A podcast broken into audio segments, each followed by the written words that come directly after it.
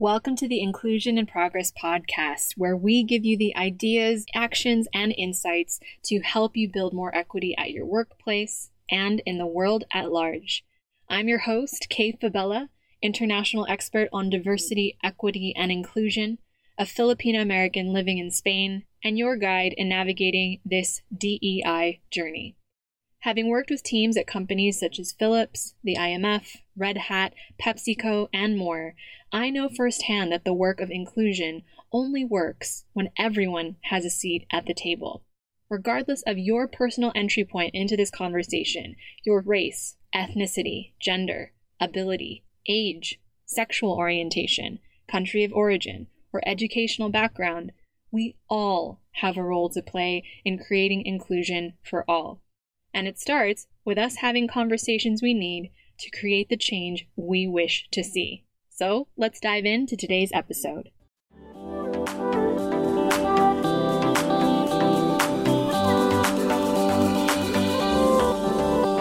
Hey, hey, hey, it's Kay here, and welcome back to the show. Some super exciting things are happening behind the scenes here on Team Kay. And I'm super grateful to those of you who've reached out to work with us or referred work our way as a result of this podcast. And if you haven't already, if you like what you've been hearing on the show so far, please consider leaving us a review on iTunes. Now, a lot of intention and hours go into making every single episode for Inclusion in Progress, and we truly want to impact as many people as possible with the tools and insights that we are sharing here. So, of course, as always, I'd really appreciate it if you did us a five minute favor and left a review for us on iTunes, which we have made available for you to do easily at the link in the show notes of the episode. Reviews really do help boost our show in the famous algorithm. So, most importantly, that new listeners can find us, which increases our potential impact to change hearts and minds that lead inclusion in our workplaces for all. Now remember, Inclusion in Progress is meant to be a free, public resource to empower you with the tools you need to build inclusion at work.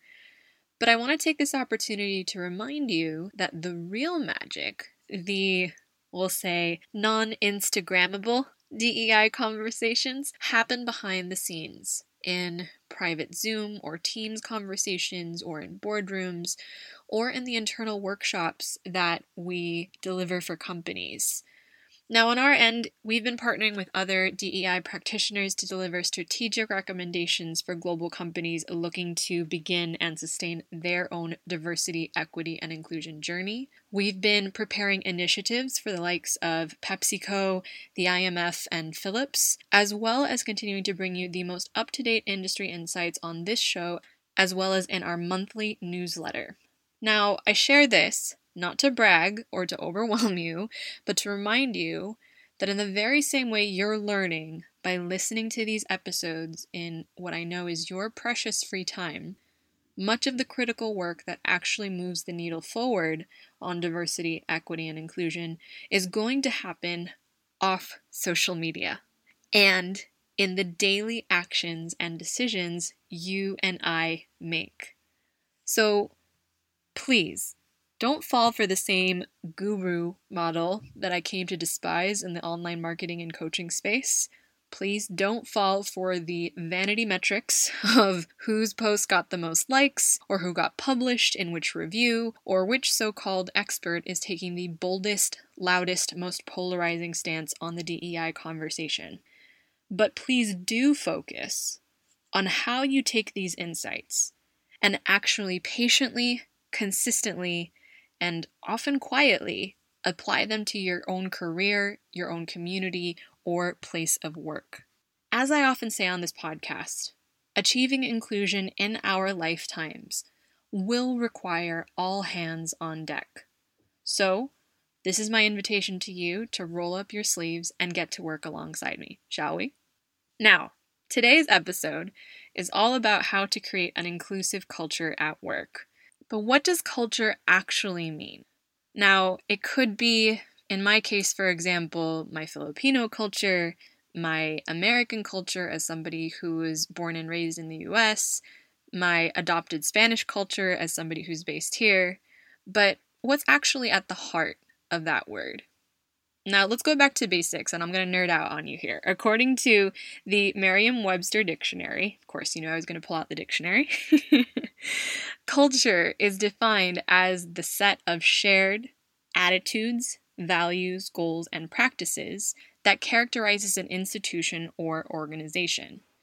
Now, to build upon that, the culmination of all of those things that we've listed, combined with organizational behaviors and key priorities, determines the playbook for how individual employees, managers, and leaders contribute to that culture. In essence, culture tells you what you can and cannot do in your position, what you should and should not share at work, and in what ways you feel comfortable showing who you are to your colleagues and team members. So, when we talk about creating an inclusive culture in organizations, an inclusive culture is one where individuals are aware of their value to an organization and therefore actively work to contribute to it. There is no passive way to create an inclusive culture, but once it's in place, it pays dividends for your company. And the alternative? A weak, negative culture will increase company turnover and attrition rates, leading to disengaged and less productive employees and an affected bottom line. Put in the simplest terms, you want your people at their best to actively contribute their best selves to your company.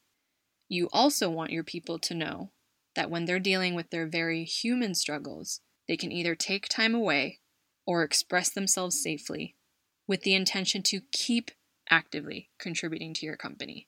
The importance of creating an inclusive culture has only been magnified in 2020 with the pandemic, the anti racism movement, and how our physical and mental health is being stretched and challenged in new ways every day.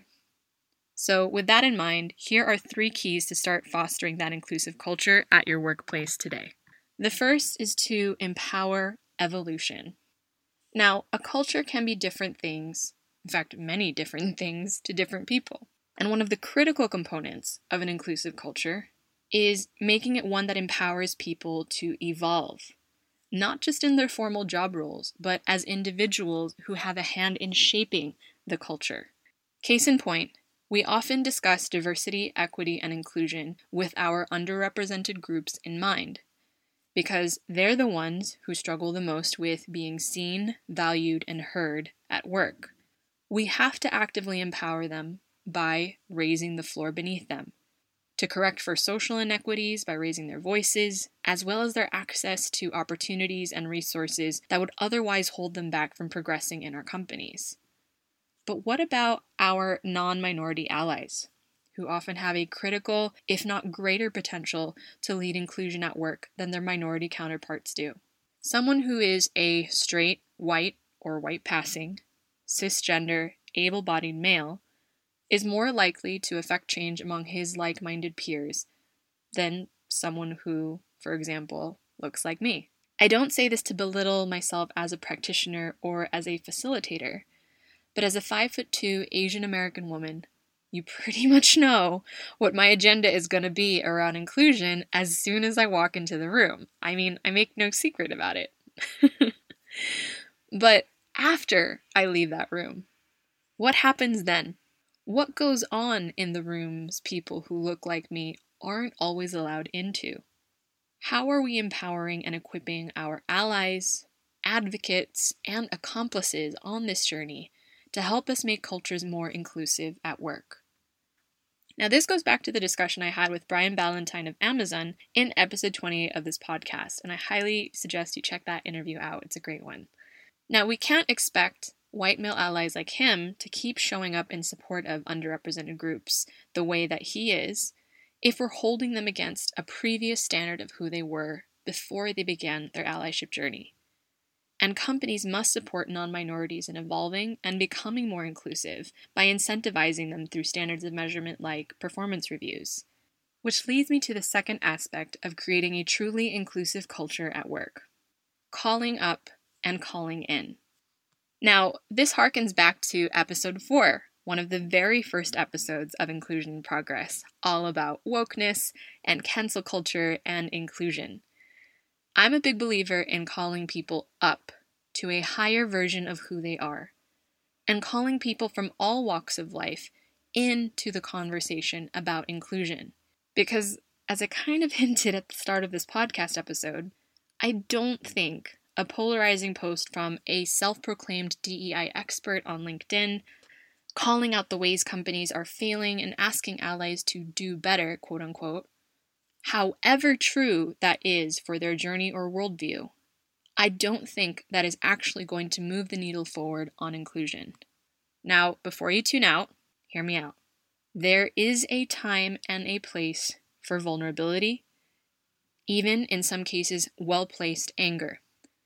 There is a time and a place for activism and taking repeat offenders to task for creating a culture of oppression, toxicity, or irrevocable harm in the workplace. But when it comes to actually building an inclusive culture at work, the majority of us as individuals don't fall into that black and white binary.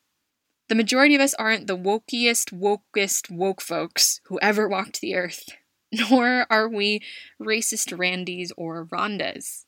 I choose to believe that the majority of us are genuinely good people who don't know what we don't know, who've all been on the receiving end of some degree of bias or benefited indirectly or directly from some level of privilege. I choose to believe that the majority of us, when presented with the right opportunity and the right tools to do better, will actually choose to do so, and will actively work to make the world a better place for themselves and those around them. So, by that logic, building an inclusive culture cannot exclude the folks in the middle who we need at the table. Calling people out shames them. Calling people up invites them to do and be better when they're offered the choice. Calling people in helps them to continue to do the work and join us on the journey we need them to be on. The third key to creating an inclusive culture is accountability and action. An inclusive culture isn't just a bunch of people saying, I'm sorry for what I did or didn't do, what I said or didn't say, what offended you, and in what way, and now I'm going to go walk off and walk on eggshells around you to make sure I don't do it again. An inclusive culture is actually about creating a supportive environment where everyone, regardless of background, gender, ethnicity, ability, age, sexuality, or country of origin, feels like they are able to work at their best alongside leaders in their organization instead of simply feeling like they're just working for them to get a paycheck. And when something happens that harms the psychological safety of an employee or individual, an inclusive culture is about encouraging courageous listening and courageous action to lead collective change as a result. It's holding space for the truth of someone's experience, even if it directly contradicts what you believe to be true about the world based on your experience. And most importantly, it's showing that you're honoring that truth by committing to taking action and doing better. Now, if that sounds like a lofty goal, it is. Cultures are meant to evolve, they're meant to be challenged and shaped by the people who contribute to and belong to that culture. No company culture will make everyone feel like they belong, at least not without some sustained effort which is why creating systems that help correct for human error, that mitigate or eliminate bias at work, and provide accountability for individuals to improve their behaviors is critical to making an inclusive culture possible. But most of all, accountability and concrete actions help solidify trust between individuals, which is the foundation of an inclusive culture where people can thrive. So, there you have it the three keys to creating an inclusive culture at your organization. The first being to empower evolution for both minorities and non minorities at work. The second being to call people up and call everyone into conversations about inclusion to build that inclusive culture together.